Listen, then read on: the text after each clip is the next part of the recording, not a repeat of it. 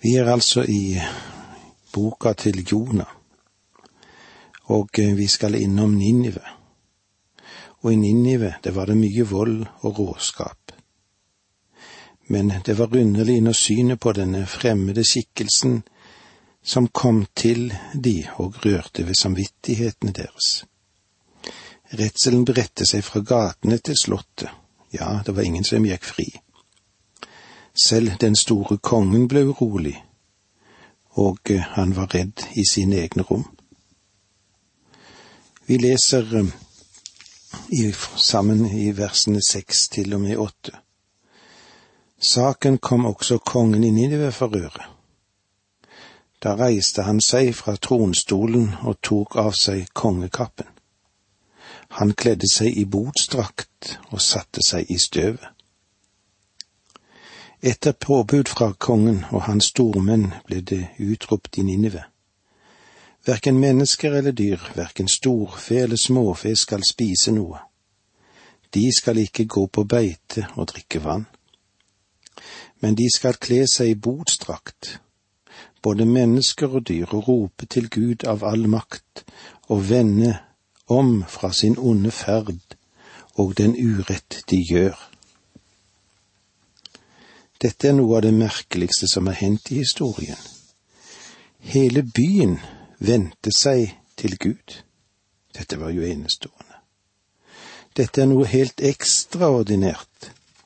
Fra kongen på tronen til leilendingen på åkeren, ja, så vendte alle seg til Herren.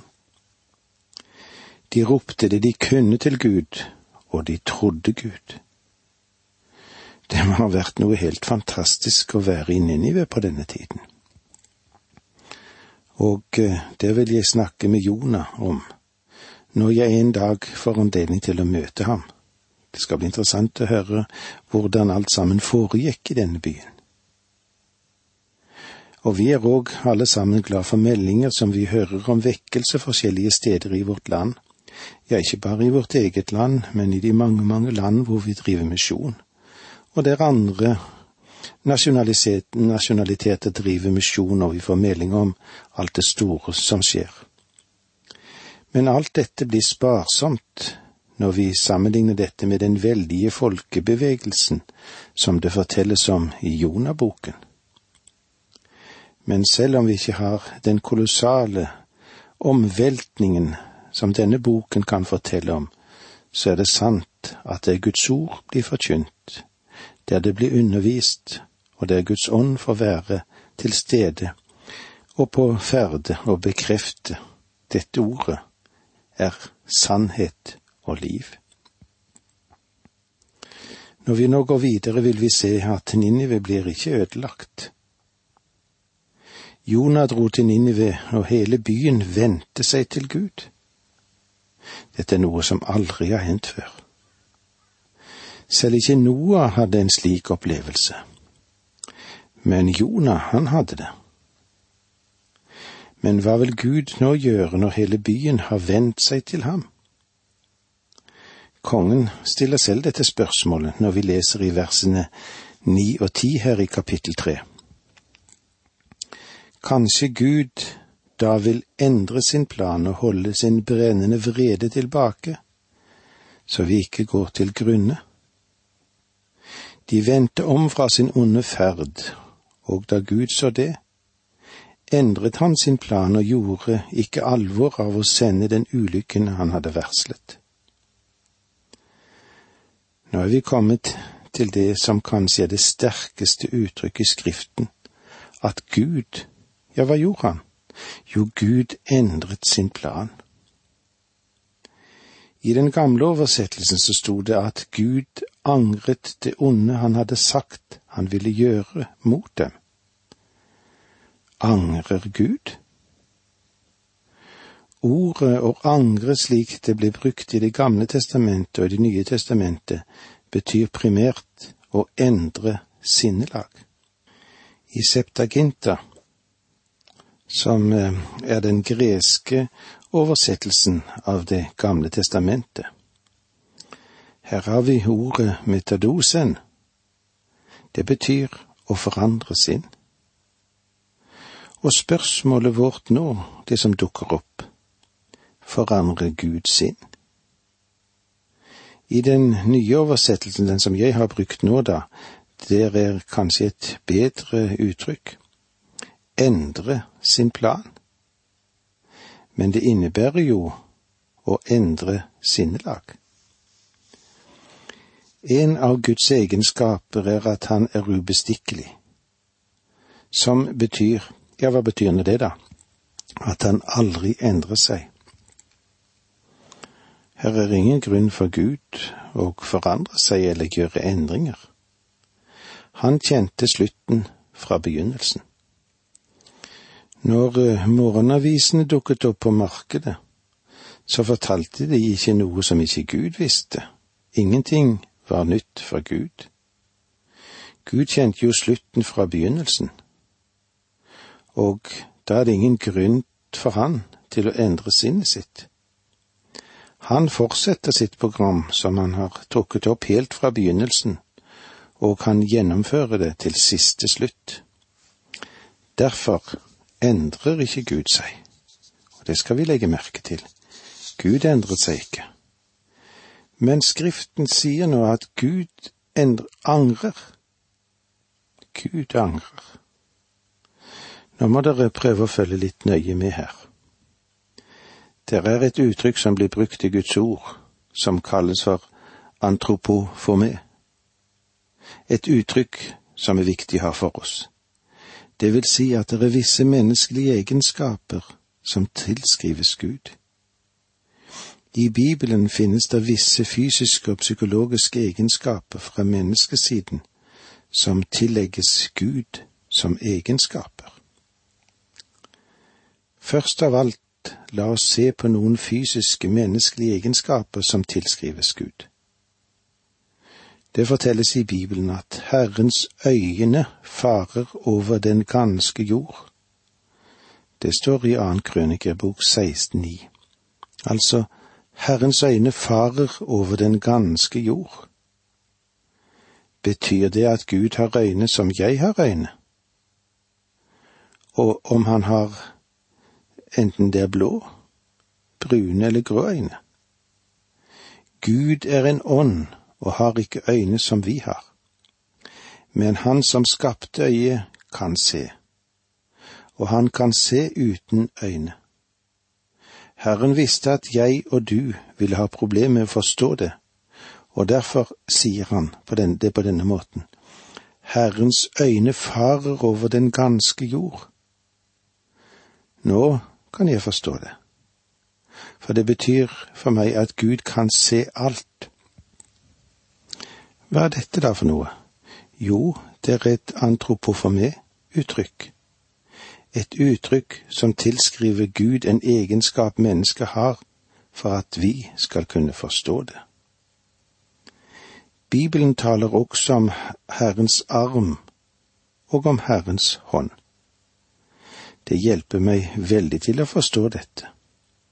Men han som skapte hånden, og han som skapte armen min og din, har ikke en hånd eller arm slik som jeg har det, for Gud er hånd. Men Bibelen sier oss, himmelen forkynner Guds herlighet, hvelvingen forteller om Hans henders verk, som det står i Salme 19.1. Men var det egentlig med hender han formet universet? Var det ikke med sitt ord? Han talte, og det sto der. Gud skapte himmelen og jorden. Det kalles for hans henders verk. Men når Jesaja talte om Guds frelse og hans forløsning, så sa han, Hvem trodde det budskap vi hørte? For hvem ble Herrens kraft? altså en gammel oversettelse da, Herrens arm åpenbart, som det står i Jesaja 53. Jeg forstår nå det jeg ikke ville ha forstått tidligere. Det kostet Gud mer, og det var vanskeligere for ham å forløse mennesket enn det var for ham å skape et univers. Og med disse ordene må vi nå si takk for i dag. Må Gud være med deg. Dette undervisningsprogrammet består av to deler. Åge Nevland fortsetter nå med andre del av dagens undervisning. Vi er i profeten Jonah, et viktig dokument. Her eh, blir vi presentert en meget iøynefallende forskjell på Guds langmodighet, på Guds nåde og innstillingen til en god mann når vi får se hvordan det går med den store hedenske byen.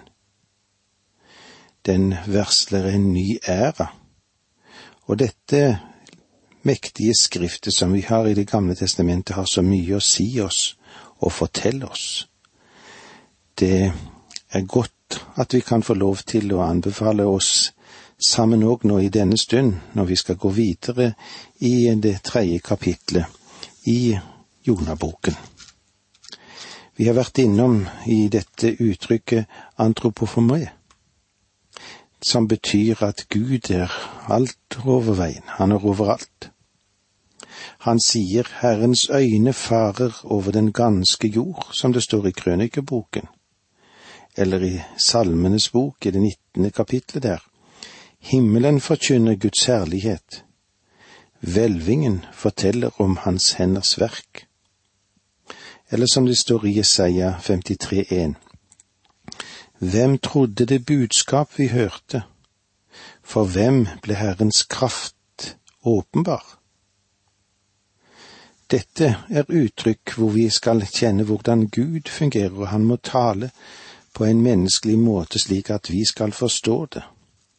Det må være eksempler på fysiske egenskaper som tillegges Gud for at vi skal forstå det, Ellers så ville vi ikke ha fått det til å forstå hva Bibelen i grunnen vil si hva Gud er. Bibelen tillegger også Gud visse psykologiske egenskaper som hører menneskelivet til. For eksempel så tales det om Guds vrede. Gud er vred. Blir Gud vred? Ja, han blir det. Han er vred på det onde hele tiden. Gud kan bli vred, men hans vrede, den er ikke lik min vrede. Jeg blir vred når jeg hører noen har sagt noe ufordelaktig om meg. Men det bryr ikke Gud seg om i det hele tatt. Hans vrede er ingen surmulen egenskap på grunn av såret stolthet. Nei, hans vrede, den er tent mot all ondskap og mot all synd. Det er Guds frede. Bibelen forteller oss òg at Gud er kjærlighet, og det er noe jeg kan forstå. Om vi går tilbake til den lille boken Ruth, Ruths bok, demonstreres dette i svært så menneskelige relasjoner den kjærlighet en mann har til en kvinne. Det er et bilde på hans kjærlighet til oss. Menigheten, hva kalles nå den, da? Jo, den kalles for Kristi brud. Det sier oss noe om Guds kjærlighet. Gud elsker deg, og eh, du kan ikke holde han fra å vise seg sin kjærlighet mot deg, kan du det? Her i Jonaboken har vi da et annet eksempel. Vi leser versene ni og ti i kapittel tre. Kanskje Gud da vil endre sin plan og holde sin brennende vrede tilbake, så vi ikke går til grunne. De vendte om fra sin onde ferd, og da Gud så det, endret han sin plan og gjorde ikke alvor av å sende den ulykken han hadde varslet. Gud angrer, eller eh, skifter plan. Å angre betyr å endre sinnelag. Det er det det betyr når det står i forhold til meg. Når jeg angrer, så endrer jeg sinn. Jeg gjorde noe galt, og nå ser jeg at det var galt. Jeg vender meg bort fra det, og jeg går til Gud og ber om Hans tilgivelse for det. Jeg kommer over på Guds side. Å bekjenne dine synder, det er å komme til Gud, og komme til enighet med Ham om din synd. Men angrer Gud på samme måte? Endrer Han sitt sinn? Sier han, nei, nå gjorde jeg visst en feil.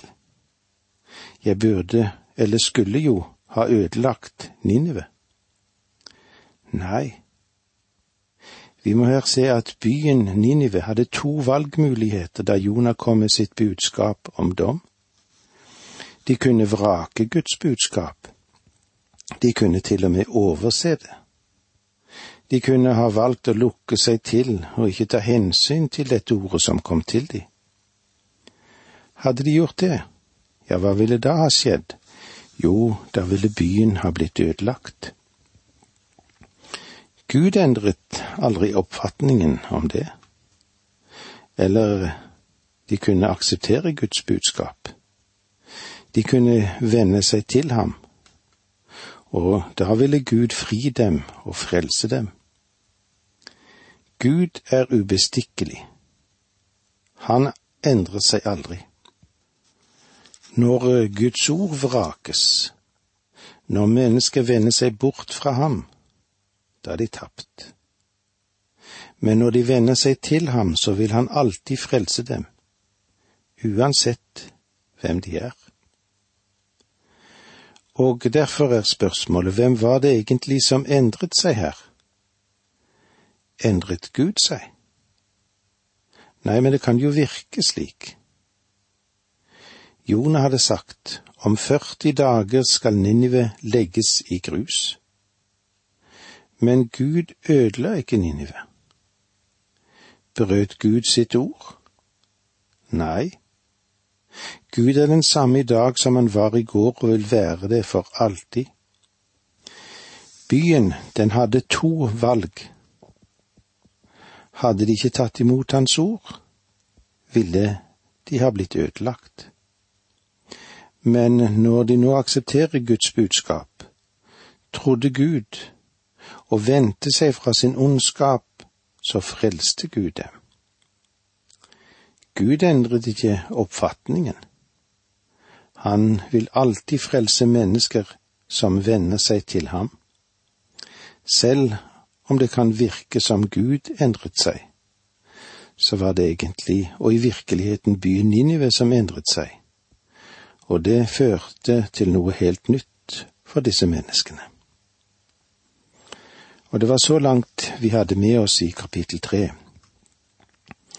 Det fjerde kapitlet, som er et tillegg til Jonaboken, for ved slutten av kapittel tre ser vi egentlig hans oppdrag, det er fullført. Som du husker, sa jeg at vi skulle se på denne boken og hvert kapittel i den som en tidstabell. La oss se kapittel én. Hva skjedde der? Jo, Jonah forlot Israel, han forlot Nordriket, og reiser antagelig fra Gat Hefer, sin hjemby. Reisemålet, hva var det? Jo, reisemålet, det var Ninive. Og det tok ham tre kapittel for å komme dit. Men han fikk fullføre sin misjon. Og det som skjedde var at hele byen vendte seg til Gud. Og nå skulle vi vel kunne tro at det ville ha gjort det slik at boken var ferdig. Men problemet ligger nå ikke lenger i Ninive. Problemet nå, hva er det? Jo, det er Jonah. Jonah var et problembarn. Gud hadde større vanskeligheter med denne oppløpende profeten ved navn Jonah enn han hadde med noen hel by av brutale, ondskapsfulle og hedenske syndere. Om jeg hadde vært i den situasjonen, eller hatt det privilegium, eller om du hadde hatt dette, slik som det hadde gått med Guds budskap til Ninive, og sett det store resultat som Jonah fikk sjå. Ja, da tror jeg jeg hadde tatt første og beste telefon og ringt hjem øyeblikkelig. Jeg ville ha brent etter å kunne fortelle mennesker hva som hadde hendt, og prise og takke Gud for hva han hadde gjort. Jeg ville ha frydet meg. Men det er fordi jeg lever under helt andre forhold, og at jeg har et annet utgangspunkt. Om jeg hadde vært i Jonas' sko, om jeg hadde vært i den fisken hvor Jonah var, så kanskje jeg hadde vært fylt av de samme motstridende følelser som han hadde. Og likevel så virker hans reaksjon helt utrolig. Sannheten er vel at jeg har få problemer med selve fisken, men det jeg har problemer med, og store problemer med, er Jonah. Fra begynnelsen ble han kalt til å gå i én retning, og så dro han en annen vei. Det forstår jeg ikke. Før jeg kikker inn i mitt eget hjerte, og så må jeg erkjenne, kanskje med bitterhet i tanke på det, at jeg har gått i feil retning mange ganger, når jeg burde være helt klar og gå den veien som Gud ønsket at jeg skulle ha gått, altså i motsatt retning av det jeg gikk. Tenk igjennom dette. Det er eh, viktige sider som vi har for oss med Jonah, og det vil vi komme tilbake til når vi møtes igjen neste gang. Takk for nå, må Gud være med deg.